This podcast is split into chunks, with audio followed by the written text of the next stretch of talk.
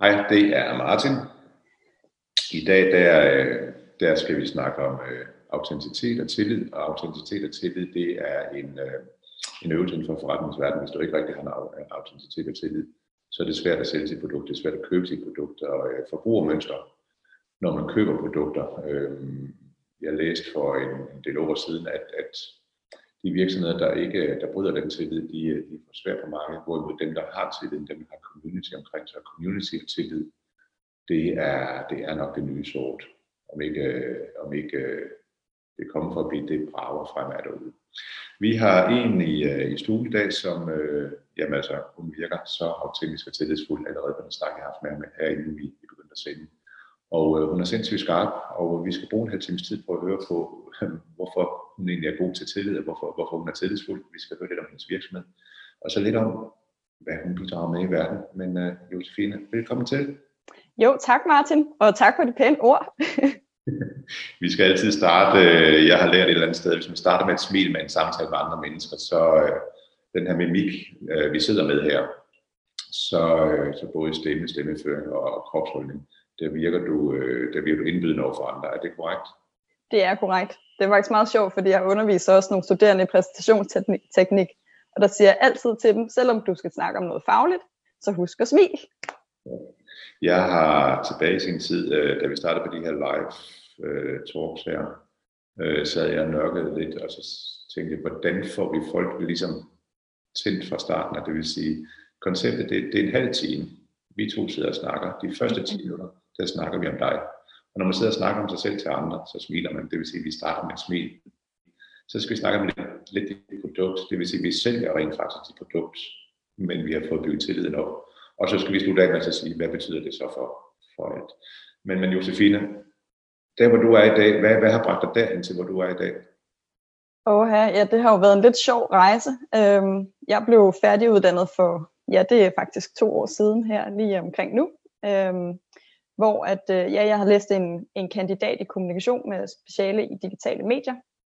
Og øh, jeg havde arbejdet med sociale medier i PPC øh, og et IT-hus, der hedder Capacity, øh, hvor jeg har stået for deres sociale medier, og det synes jeg egentlig var sjovt. Øh, fortsat i den stilling, men under mit, øh, mit speciale der på min kandidat, der havde så skrevet om influencer marketing og autenticitet, altså det vi snakker om i dag. Øh, hvad betyder det jeg har undersøgt, hvordan at modtagere de oplever de her sponsorerede øh, opslag fra influencer i forhold til autenticitet. Og så kunne jeg godt mærke, da jeg sad der i mit job med sociale medier, øh, at åh, jeg kunne godt tænke mig lige at prøve at arbejde lidt med det der, med, med de influencer der. Øhm, og så kom jeg over på et mediebureau og arbejdede lidt med det.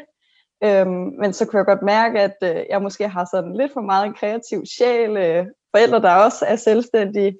Øhm, og så fik jeg også lyst til at, at prøve kræfter med det. Øhm, jeg vandt en, en pris for det speciale, som jeg havde skrevet, og det gjorde bare, at jeg havde øh, en bølge at ride på, og det valgte jeg så at gøre. Så startede jeg mit eget op. Okay, så det er jo en, øh, det er jo en succesfuld rejse, du har været på der. Hvordan går det med din virksomhed i, i dag? Det går rigtig godt, fordi at øh, jeg bruger LinkedIn rigtig meget i min, i min markedsføring, og det gjorde jeg. Jeg havde sådan ret, øh, hvad skal man sige, struktureret tilgang til det et halvt års tid, før at, øh, at jeg valgte at gå selvstændig. Så der delte jeg ud af min viden på LinkedIn, og det gjorde bare, at den dag jeg så gik ud og sagde til mit netværk, hey, jeg er blevet selvstændig, kom og køb i min butik, så var der også nogen, der skrev til mig og gerne ville købe i min butik. Så jeg har stort set været fuldt booket, siden jeg gik selvstændig i september. Det er flot, det er flot at høre, det vil sige, at du har taget din egen medicin, og, og den medicin, det skal vi lige høre lidt senere. Ja. Øh, jeg kommer til at spørge dig om, øh, om, om du dyrker sport, og, og der må du jo med skam erkende sige, at det, der har du en, en, en, en god interesse der. Hvad er det, du dyrker? Jeg spiller håndbold. Ja. Og, og hvordan er din tilgang til håndbold? Går ind for at vinde. Altså det der, der hedder tab og vind med samme sind, det er virkelig ikke et, øh, et motto, der, der dur hos mig. Og jeg tror også, at det er derfor, at jeg har været god til de ting, som jeg laver, om det så er på studiet. Altså jeg vil sige, jeg var ikke en straight A-student øh, overhovedet. Jeg, øh, jeg, jeg klarede mig ganske fint, men jeg var bare sådan middelmodig. Og så til sidst så gav jeg den så en fuld skalle der, da jeg havde mulighed for at dykke ned i, i emnet, øh, og lavede et rigtig godt speciale. Og det er det samme, jeg gør i min virksomhed, at, at jeg går all in på det, det jeg laver. Ja, så det vil sige, den, den må, må, må jeg godt kalde den elitær tilgang til tingene. Må du gerne, ja. Når du, øh, når du går i gang med noget, så er det for at, øh, at knække en kurve, det er for at ramme et mål, du sætter skarpt mål op. Ja, lige præcis. Altså jeg sidder faktisk med et projekt lige nu, hvor at deadline har været for tight, men øh, så er jeg bare sådan, okay, så knokler vi bare de, øh, de timer ekstra hver dag, for så at det bliver et godt projekt, og den, øh, det kommer til at køre, som det skal.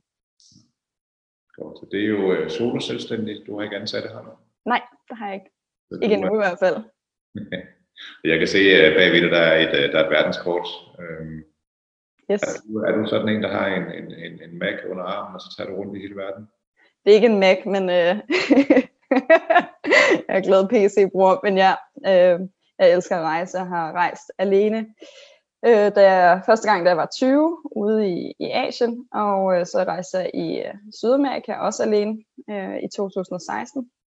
Så det er en god måde at, at møde andre mennesker på. Jeg tror faktisk også, at det har hjulpet mig i mit, i mit selvstændige liv, øh, både her, øh, bare det at være sig selv og være ok med det, men også når man skal ud og møde, møde folk, fordi at man bliver virkelig vant til at møde andre mennesker, som man ikke kender, og hurtigt prøve at se, om man kan finde en, en connection når det er, man rejser på den måde. Ja. Ja, vi skal lige høre lidt om, om, om hvis nu jeg ringer til dig og gerne vil, vil købe en ydelse af dig, hvad er det, hvad er det helt lavpraktisk, du selv? Uha, ja, men det er, jo, det er jo meget forskelligt, hvad kunden egentlig har brug for, men det jeg laver allermest af, det er influencer marketing fra A til Z.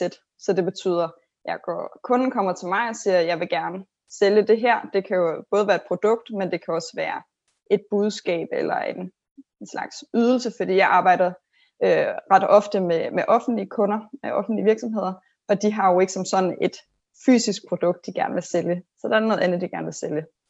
Øh, så vi finder ud af, hvad det de gerne vil sælge, hvad vil de gerne have ud af det. Er det for eksempel sådan noget som brand øh, awareness eller eksponering? Så går vi ud og finder de influencer, som, øh, som passer til opgaven. Jeg hørte også, jeg tror det var Karoline, som du havde igennem her den anden dag, der snakkede om, at det er en god idé at have sådan en kombination af store og små øh, influencer, og det er jeg også stort fortaler af, at man gør det på den måde. Øh, fordi de mindre så kan være med til at støtte op og give noget autenticitet, øh, og de større de kan være med til at give noget, noget eksponering. Øh, og når jeg så har fundet de rigtige influencer, så forhandler vi jo priser, og jeg skriver en kontrakt, så der vi har en aftale om, hvad det er, der skal foregå. Og så øh, er jeg også deres sparringspartner, fordi de her mindre influencer, der er måske nogle af dem, der faktisk ikke engang har prøvet det før. Det er den kampagne, jeg kører nu. Der er mange, der ikke har prøvet det før. Så er jeg en sparringspartner til dem, så vi sørger for, at det bliver et godt produkt. Øh, ikke fordi, at jeg fortæller dem, hvad de skal gøre, men bare så de har en at spare med. Og så samler jeg selvfølgelig op på data til sidst, fordi at data er enormt vigtigt, når det er, at du kører øh, ja, jo faktisk alt, hvad det er, du laver. Hvis du kan samle data op på det, synes jeg, at man skal gøre det. Jeg skal lige høre din, din forretningsmodel, og jeg godt spørge lidt ind til den. Mm. Fordi det er jo for mange er det jo en, øh, det er en verden, som, som for nogle er det hverdag, og for, for andre er det lidt, lidt fluffy. Øh, du har en kunde på den ene mm. side, der skal ud og, og have, have afsat sit produkt på et marked, givet marked, og det vil sige, der går du i dialog med kunden og laver kontrakt med kunden. Ja. Der betaler kunden dig for det, er det korrekt? Ja, kunden betaler mig for det. Når du så går ud, og så har du influencer på den anden side, der laver du kontrakt med dem også. Yes. Det er korrekt. Er det dig, der, der, der aflønner influenceren, hvis der er økonomi imellem? Eller, eller er det for kunden til influenceren? Hvordan, hvordan fungerer det flow? Altså, jeg vil helst have faktisk, at mine kunder øh, aflønner influencerne direkte, fordi at jeg synes, at der skal være gennemsigtighed, så ved mine kunder, at jeg ikke tager et cut af øh, den her influencer fee, så jeg foretrækker faktisk, at mine kunder har, altså at influenceren fakturerer min kunde, og så jeg bare står for alt det, alt det andet. Øh, men nogle gange så, for eksempel når jeg arbejder med offentlige kunder, så vil de gerne have, at jeg tager mig af, af faktureringen også. Og det kan jeg så også gøre. Okay, så det vil sige, at du er en, øh, du er en contractor midt imellem ja. produkt og influencer. Lige præcis. Og nogle gange så er faktureringen midt imellem kunde og influencer, andre gange så går den igennem dig som en, en tredje part. Præcis. Øh, har du rådgiveransvar på, hvis man nu ikke rammer, hvis man rammer skævt? Er det dit ansvar? Det er, altså, øh, oh, det var min computer lavede lige et eller andet. Vil du lige øh, så gentage det? Hvordan, øh, hvordan, øh, hvordan sikrer du dig, at du rammer rigtigt? Ja, hvordan sikrer jeg mig, at jeg rammer rigtigt? Det er jo bare, ja, det er jo erfaring og sidde og kigge på, jeg ved ikke, hvor mange profiler og så videre. Jeg vil sige, jeg, ikke, øh, jeg har ikke ramt skævt indtil videre, men den er måske også svær at, at sige. Altså, jeg, jeg sikrer mig jo på den måde, at der, hvor det kan gå rigtig galt, det er, hvis du ikke får markeret de her opslag som reklame, for eksempel. Øhm, det er jo der, hvor det kan blive dyrt for, for virksomheden. Og ellers så sikrer jeg mig også bare at hele tiden, det, det er jo det, jeg, jeg er der for, det er for at sikre, at det budskab, som jeg har aftalt med kunden, det kommer ud igennem influenceren. Så øh, jeg vil sige, det skal godt nok, det skal gå meget skævt, hvis det skal gå galt. Det jeg vil frem til at sige, det er, at du, du handler på trust, på tillid, og tillid, det er ja. jo det, der, der er inden, vi skal snakke om tillid i influencer marketing. Fordi hvis, hvis du ikke har tillid både til kunden og til influenceren, så har du reelt ingen forretning. Præcis. Hvis, hvis tilliden er, brudt, og det kan den jo gøre af forskellige årsager, der kan være sket en fejl, eller man kan gøre noget, der ikke er tilsigtet, men ikke er, man ikke er klar over. Og det vil sige, der er jo hele tiden, at det, det er jo led i kæden, hvis den smutter. Så tilliden ja. er brudt, og der skal man så bygge tilliden op igen. Øhm, tillid og det her marked her, hvordan, øh, hvordan ser verden ud, hvis vi tager sådan nedslag i dag? Hvordan er tilliden i influencermarkedet? Det er nok ikke særlig høj, og det synes jeg er super ærgerligt. Øhm, det er også noget af det, som jeg arbejder på at, at forbedre, selvfølgelig både med specialet. Øh, vi er også i gang med at lave en konference, fordi vi gerne vil professionalisere feltet. Øh, så jeg synes, det er ærgerligt, at der er en svækket tillid til influencer marketing, og sådan set også til, til influencerne. Øhm, nogen er selvfølgelig selv ude om det. det. Det må man jo sige, der har været nogle knap så gode sager i, i medierne. Men jeg synes bare, det er ærgerligt, at man ikke også får kigget på nogle af dem, som er rigtig dygtige øhm, til at skabe en relation til deres følgere og bygge en tillid op. Fordi det er der også rigtig mange, der er gode til. Men det starter jo også med influenceren.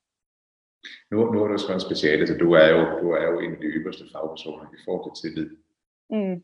Her. Og øhm, kan du prøve at fortælle lidt om, hvad er tillid, trust inden for det her marked? Hvad er det, der gør, at man bygger tillid op? Jo, øhm, det handler primært om, at følgeren kommer til at se influenceren som en ven. Og vi ved jo alle sammen, at word of mouth, det er noget af det marketing, der virker aller, aller bedst. Øhm, så de rigtig dygtige influencer, de er gode til at opbygge den her relation, en illusion om et, et venskab, kan man også kalde det. Det kaldte jeg det i mit speciale. Øh, fordi at de simpelthen føler, at de kender vedkommende, de har lyst til at, de siger hej til influenceren på gaden, de har lyst til at give hende et kram, når der, de ser hende. Og det er først, når de efterrationaliserer, at de, at de tænker over, hvor, altså, jeg kender hende jo ikke, men det er jo fordi, man er med helt tæt på og med ud og, og øh, med ud og gå tur med hunden, og altså når hun spiser middag med veninderne. Så ja, øh, det er de der daglige mange interaktioner igennem dagen, som man blandt andet er med til at skabe den her følelse af et venskab. Øhm, og så det, som jeg også kommer frem til mit speciale, det er et begreb, jeg kalder staged back region. At de deler ud af noget, som ser ud til at være for privaten. Og det er jo det, der er sådan lidt sjovt, ja, også i forhold til autenticitet, fordi at Instagram kan jo aldrig blive et direkte kig ind i din private, fordi det er stadigvæk dig, der bestemmer, hvad det er, der skal lægges ud. Og det er også sådan, det er derfor, man snakker lidt om, eller jeg snakker lidt om øh, planlagt, planlagt tillidsvækkende indhold. Fordi at det vil jo bare altid være planlagt, når det er, det skal på, skal på Instagram. Men man kan som influencer godt stadigvæk give et indblik eller en idé om, at man kigger ind i noget, der er privat, og fordi man måske deler ud af noget, der er svært for en. Det, kan jo, det er jo meget forskelligt fra influencer øh, til influencer, hvad det så er. Men blandt andet, hvis man har været for eksempel stressramt, at man deler ud af det. Øhm, ja, det kan jo være forskellige ting. Når man, øh, det er vel en, en priming af den, der kigger ind, altså det man vælger. Nu kan jeg se, at bag ved dig, der er en grøn plante, og bag ved, ved mig, der er en, øh, en rød plante. Øh, overvejer du, at det skulle være en grøn plante, der var, da vi sad og snakkede her? Nej, det vil jeg ikke sige, at, øh, at jeg gjorde. Fordi det er jo en, det er jo en, øh, det er jo en selviscenesættelse af en del af det, man sidder med. Præcis. Og, øh, er vi kloge nok som forbrugere til at se, at det reelt er en selviscenesættelse? Forbrugerne ved godt, at det er, det er reklame. Men altså, det er jo det, der er, altså, når man er med hele dagen, det er også svært, hvis den her influencer hele tiden skal opretholde en, en, en rolle. Og det, det, altså, det er vigtigt, at den rolle, som vi nu alle sammen spiller i forskellige, altså du er jo en person, når du sidder her, og en anden, når det er, at du øh, er sammen med familie eller venner. Øh, så det er det, jeg mener med rolle, fordi ja, det er ikke som sådan en rolle, vi spiller. Det er bare forskellige settings kræver forskellige ting. Øhm, hvad var den alligevel der? Jo, ja, så det, sorry. Øhm, så det er vigtigt, at man har en, en kerne, og at man så, altså fordi det som mit special også viste, var, at der var en influencer, som spillede en rolle online, og så var hun en anden person offline. Og så var der en følger, der mødte hende, øh, influenceren offline, og det brød så meget med det, hun har set online, så hun brød relationen. Hun stoppede med at følge hende. Så det er vigtigt, at man holder den kerne, uanset om det er online eller offline. Og det, det kan man jo bare netop måske ikke igennem en hel dag, hvis det er, at du opdaterer din Instagram flere gange dagligt. Så man kan sige, det bliver i scenesat, men man glemmer måske også som influencer, at man har kameraet på. Øhm, men jeg vil stadigvæk sige, at i sponsoreret opslag, er det nok svært at gøre det sådan meget, altså det bliver sværere at gøre det mere naturligt, end hvis det er, du ude at gå med hunden for eksempel. Ja, fordi hvis, hvis nu jeg blevet belært mig, at der er noget, der hedder mikroinfluencer og makro og mega. Ja. Øh, er der forskel på tilliden i de forskellige grupperinger inden for, inden for markedet? Yes, det er der.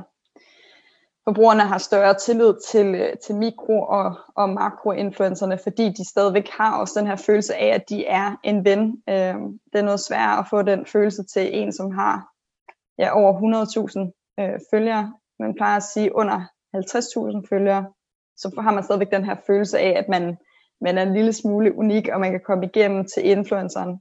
Øhm, men det er også bare der, hvor dialog fra influencerens side bliver enormt vigtigt. At de anerkender de kommentarer, de får, om det så er på opslaget, eller ja, om det er direkte til, til dem.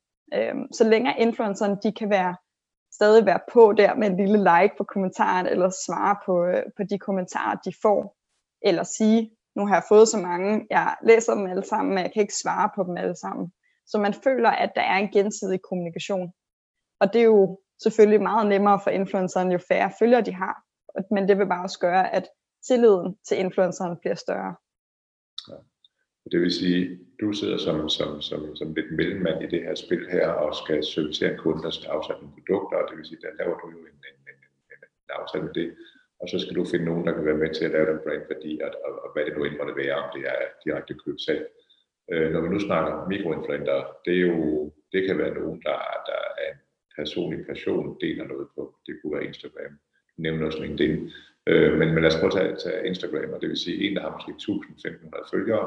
Øh, når du kommer og siger, at nu skal du være opmærksom på, at der skal stå spontant opslag, det vil sige, at du kommer med en professionel tilgang, Hvordan tager, og primært mikroinfluencer, hvordan, hvordan, hvordan tager de det, når du kommer med en professionel tilgang? Ja, altså jeg prøver meget at operere med større koncepter eller sådan et overordnet budskab, fordi så kan de selv få lov til at tale ind i det, i det på en måde, så det giver mening for dem. Så øh, det kan være, at der for eksempel er en, der spiller håndbold som mig, og så er der en, der spiller fodbold, men det har et eller andet at gøre med sport, men så kan man relatere det til, til sin egen sportsgren, så det ikke er et et budskab, der bliver hævet ned over hovedet på dig. Øhm, og så på den måde forsøger jeg at bibevare det autentiske, selvom at de skal levere et budskab fra, fra et brand. Ja, fordi det, det, det er jo den, den kunne jeg godt tænke mig, at vi lige dykker ned i, det er, kan man planlægge trust og tillid? Ja. Øh, hvordan ser du den verden? Altså det mener jeg jo ikke, at man kan som sådan, men jeg mener, at man kan tabe ind i en tillid, som allerede er der. Øhm, og det er det, man gør som brand, når det man bruger de rigtige influencer. Så øh, hvis nu, at du har en kammerat, og han har 1000 følgere, så kender du jo stadigvæk ham, øh, og du regner med, at når han laver noget reklame, så er det jo et produkt, han kan stå indenfor. Og det er derfor, jeg også siger, at det falder tilbage på influenceren, fordi hvis de ikke er kritiske nok i deres udvælgelse af de her kampagner, altså så kan de ikke blive ved med at være tillidsfulde, og så kan brandsene heller ikke tage ind i det tillidsfulde eller det tillidsvækkende. Øhm, så det starter også med, med influencerne, og det er jo så det, jeg meget kigger på, når jeg sidder og kigger efter influencer. om de har valgt produkter, der er i god tråd med deres profil, og har de dialog med deres følgere osv. Så du sidder, du sidder og scanner og screener lidt, når du har en kommende, øh, hvad hedder det, en klient ved dig, hedder det en kunde ved dig, eller hedder det en, en kunde, ja. Det hedder en kunde, når, når du har en kommende, kommende kunde igennem. Så ja. sidder du og scanner lidt på, øh, hvor er de henne på det her bevidsthedsmedie, altså hvor, hvor, hvor, hvor bevidst er de omkring det, de gør. Fordi nogen øh, ubevidst laver det rigtige, altså det vil sige, der skal du ikke arbejde så meget med. De må være nemmere at arbejde med. Nogen har måske en følgerskab, hvor de faktisk ikke rigtig ved, hvad det er, de gør, men det virker bare. Øh, og du kommer som professionel med, med, med, med din viden. Øh, er det noget, man, man vil se mere af, at den enkelte influencer faktisk, måske endda inden man starter sin Instagram-profil, begynder at arbejde professionelt med det? Og jeg tror ikke, at det vil sådan helt i opstarten, fordi man skal jo også gerne have bygget et community op, for at man kan, kan gå den vej. Men ja, altså faktisk havde jeg et eksempel. Jeg har, jeg har lavet en podcast her i foråret om influencer marketing, og der blev jeg tippet om en, jeg tror hun havde omkring 1000 følgere, da det var, at jeg blev tippet om hende. Og det var netop fordi, at øh, vedkommende havde hørt, at hun ville gerne, altså hun begyndte ligesom at bygge sin profil op til at skulle være professionel. Øhm, så det er jo ikke selvfølgelig helt fra starten, men at starte med 1000 følgere, og så, og jeg har faktisk selv også en, jeg har hjulpet med at vækste sin, øh, sin Instagram, hvor at, jeg tror, hun startede på omkring de, de 300, som er nok det meget gængse sådan for en, en gennemsnitlig dansker. Øhm, og så hjalp hende med at vækste sin profil, og det var jo også, fordi hun kom med et ønske om at have en mere professionel profil, og gerne ville vækste den til at, at kunne indeholde kommersielle budskaber også. Ja, det vil sige, når du nu kigger ned i det, der kommer ind med 300 følgere, så siger jeg, jeg kunne godt tænke mig at, at, at, at ligesom gøre det ved det her. Begynder at professionalisere det lidt. Øhm, kigger du på udstyr, kigger du på billeder, kigger du på personen? Hvad kigger du på? Altså jeg kigger på personen, fordi det er det, jeg synes er interessant. Det var også lidt det, du startede med at sige, at man vil jo gerne, mennesker vil gerne høre mennesker. Jeg vil ikke høre om, om brands og så videre. Øh, selvfølgelig skal der være nogle lækre billeder, det er jo Instagram, så det handler også om det visuelle. Og det er det, der skal starte relationen. Men jeg synes bare, man ser i højere og højere grad, at det også handler om den gode historie, og man kan relatere til en historie, man kan spejle sig i den, man vil lade sig inspirere af den. Øhm, så jeg kigger på mennesket, fordi jeg ved, at det er det, som andre også vil synes er interessant. Jamen, hvad med produktet, selve billedet, kvaliteten af billedet? Er det, øh, er det indhold, der vinder over kvalitet, eller er det kvalitet, der vinder over indhold? Øh, er, der, er der en krydslinje der? Altså det, det vil jeg sige, det er faktisk meget forskelligt, alt efter hvilken prof- type profil du, øh, du nu har. Øhm, der er mange morbloggere eller mor-instagrammere, som har knap så pæne billeder, men de har så en rigtig god historie, som deres målgruppe kan tabe ind i og, og relatere til, at man har sgu ikke lige øh, tid til at tage det her perfekte Insta-billede, øh, fordi man har barn hængende på armen og kaffe og alt muligt. Øh, så det kommer meget an på, hvilken type profil man har. Men ja, det er klart, de fleste, i hvert fald også sådan de større profiler, de, øh, der er kvaliteten af billederne også ekstremt vigtig. Altså det vil sige, hvis man, hvis man tager en og går tilbage, og så ser der, hvor de havde 300 følgere, så op til 800 følgere, så kan det være, at de måske skifter selve, selve, selve ja. de, de, de, de opererer med, de får måske en lille, en lille håndhold eller andet. Altså, de begynder på deres kommunikative, deres skriver, så der begynder at, at opdage lidt. Øh, og det er vel nødvendigt for ligesom at være mere professionel med det produkt, man så leverer. Klart, klart. Ja, okay, du kan ikke stå med din klaptelefon, eller som ikke engang kan tage med et video. Øh, du skal, have, du skal have noget udstyr, men det kræver ikke særlig meget at komme i gang. Altså, det, jeg tror, det, det, de større, det er de større influencer, som har rigtige kameraer, øh, som kan, kan optage altså også kan optage video og så videre. Men langt de fleste bruger bare deres iPhone. Ja, det er jo fantastisk, at vi kan sidde her og ramme hele verden med et, et, et, et produkt, vi har i lommen. Øhm, vi har en fem minutters tid tilbage, Josefine, mm. og jeg tænker mig at, øh, at lige udfordre dig lidt og frit dig lidt, at sige, øh, det her område her, gør det verden til et bedre sted? Og jeg synes jo nogle gange gør det.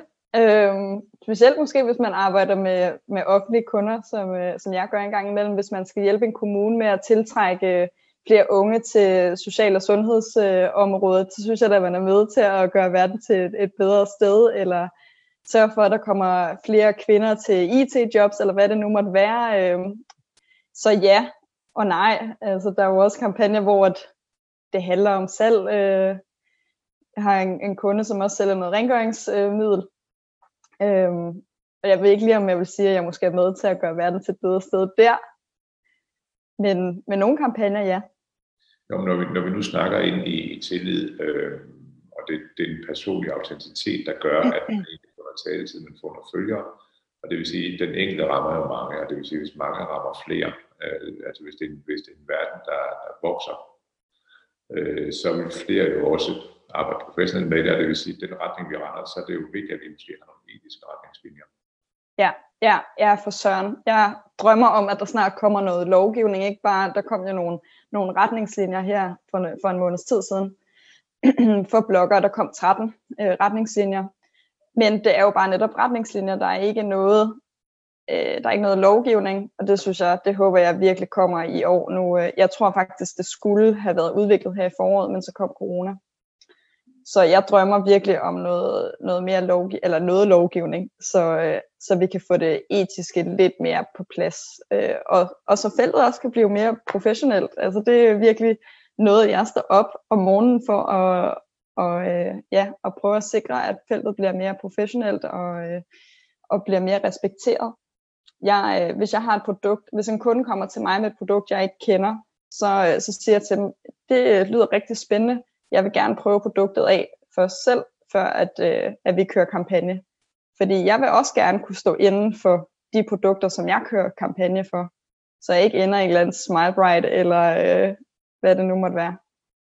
Altså så det vil sige, du, du sidder med, med, med din etiske overvejelse, når du enten rækker på en influencer, eller øh, øh, får en kunde ind, og så egentlig vurderer, er det noget, jeg kan stå inden for det her, fordi influencer kan bruges til stort set alle formål, der er vel ikke det formål, de ikke kan bruges til.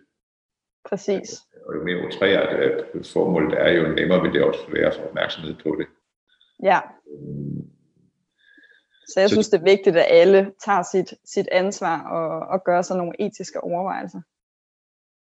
Men det kommer jo an på, når du nu siger kunden, og det kunne være et offentligt formål, det kunne være, det kunne være en bevægelse, hvor vi bruger influencer. Øh, hvis det formål ikke er legitimt, hvis det ikke er etisk korrekt, så er vi vel ude i, at sådan en som dig siger nej, er det ikke, er det ikke sådan? Jo, så vil jeg sige pænt nej tak. Ja. Øh... Men det er jo også netop, altså jeg vil jo gerne have, at mine kunder også skal gå til, altså i forhold til tillid og så videre, vil jeg jo også gerne have, at mine kunder ved, at, at jeg har mine øh, etiske og moralske overvejelser i orden. Ja, fordi hvis, hvis, hvis lovgivningen, altså vi har markedsføringsloven, vi har de data, etiske regler, datalovgivning, det er vel de to lovgivninger, vi har længere så mod, er det ikke ja. korrekt? Jo. Ja, de er jo ikke tidsvarende i forhold til det marked, vi sidder i. Niks. Mm. Er, det, er det lidt data op på jeres øh, konferencer også? Er det noget? Altså for ligesom at finde lødighed frem inden for, inden for området? Ja, vi, vi, øh, vi har også en jurist, der kommer og fortæller om, om lovgivningen på, øh, på området, og hvad man bør overveje etisk. Og vi vil faktisk forsøge at få forbrugerombudsmanden til at komme til en paneldebat, fordi okay. vi synes, at det kunne være interessant at, at høre, hvad, ja, hvad man kunne få ud af det. Ja, fordi der er sådan lidt, øh, sådan lidt, lidt, lidt, lidt, lidt gående omkring den varme grød, eller lige i tiden, som jeg ser det i hvert fald, fordi vi sidder alle sammen på de sociale medier, inden ja. som forbrugere, eller som leverandører ind til, til noget, og skal egentlig afsætte nogle, nogle, nogle, nogle varer. Og vi ved ikke helt rigtigt, om vi gør det rigtigt. Det må jeg med, med skam erkende. Ja, præcis. Jamen, det er jo også, altså vi, jeg tror, jeg kan tale for alle, der sidder i det her felt, at vi kunne godt tænke os, at der var lidt mere øh, klare rammer. Og også for influencernes øh, vedkommende, de kommer der også tit til mig og spørger, altså, gør jeg det her rigtigt? Og hvor vil sige, jamen altså, ja, det ser rigtigt ud, men altså det, ja, jeg er i hvert fald glad for, at der er kommet mere fokus på det her med, med reklame, skjult reklame. Jeg synes, de er blevet bedre til at, at markere, når det er reklamer. Det synes jeg er rigtig dejligt. Det, det, det er jo et område, der er synligt, der er visibelt, der er nemmere for øje på. Vi har en 30 sekunder tilbage. Øh, ja. De sidste 30 sekunder for dig. Hvem du, øh, kan vi lige få lidt, bare et skarpt budskab for dig? Et skarpt budskab for mig? Jamen, øh, jeg drømmer om, at alle prøver at kigge på, om de kan bruge influencer marketing i deres øh, virksomhed, men husk at kigge på, om det så er de rigtige influencer, du også øh, får med til at, at skubbe dit budskab og dit produkt ud. Netop er de autentiske, har det dialog. Øhm, ja, den personlige fortælling er vigtig. Fedt. Tak skal du have, Josefine. Tak for tiden. Jamen, det var selv tak. en fornøjelse at have dig ind og snakke lidt om autenticitet og tillid i branchen. Og øh, jeg er blevet klogere på det i hvert fald. Det håber jeg også mange af jer andre er. Tak skal du have, Josefine. Jamen selv tak. Og tak til jer, der lyttede med. Vi ses om lidt igen. Hej hej.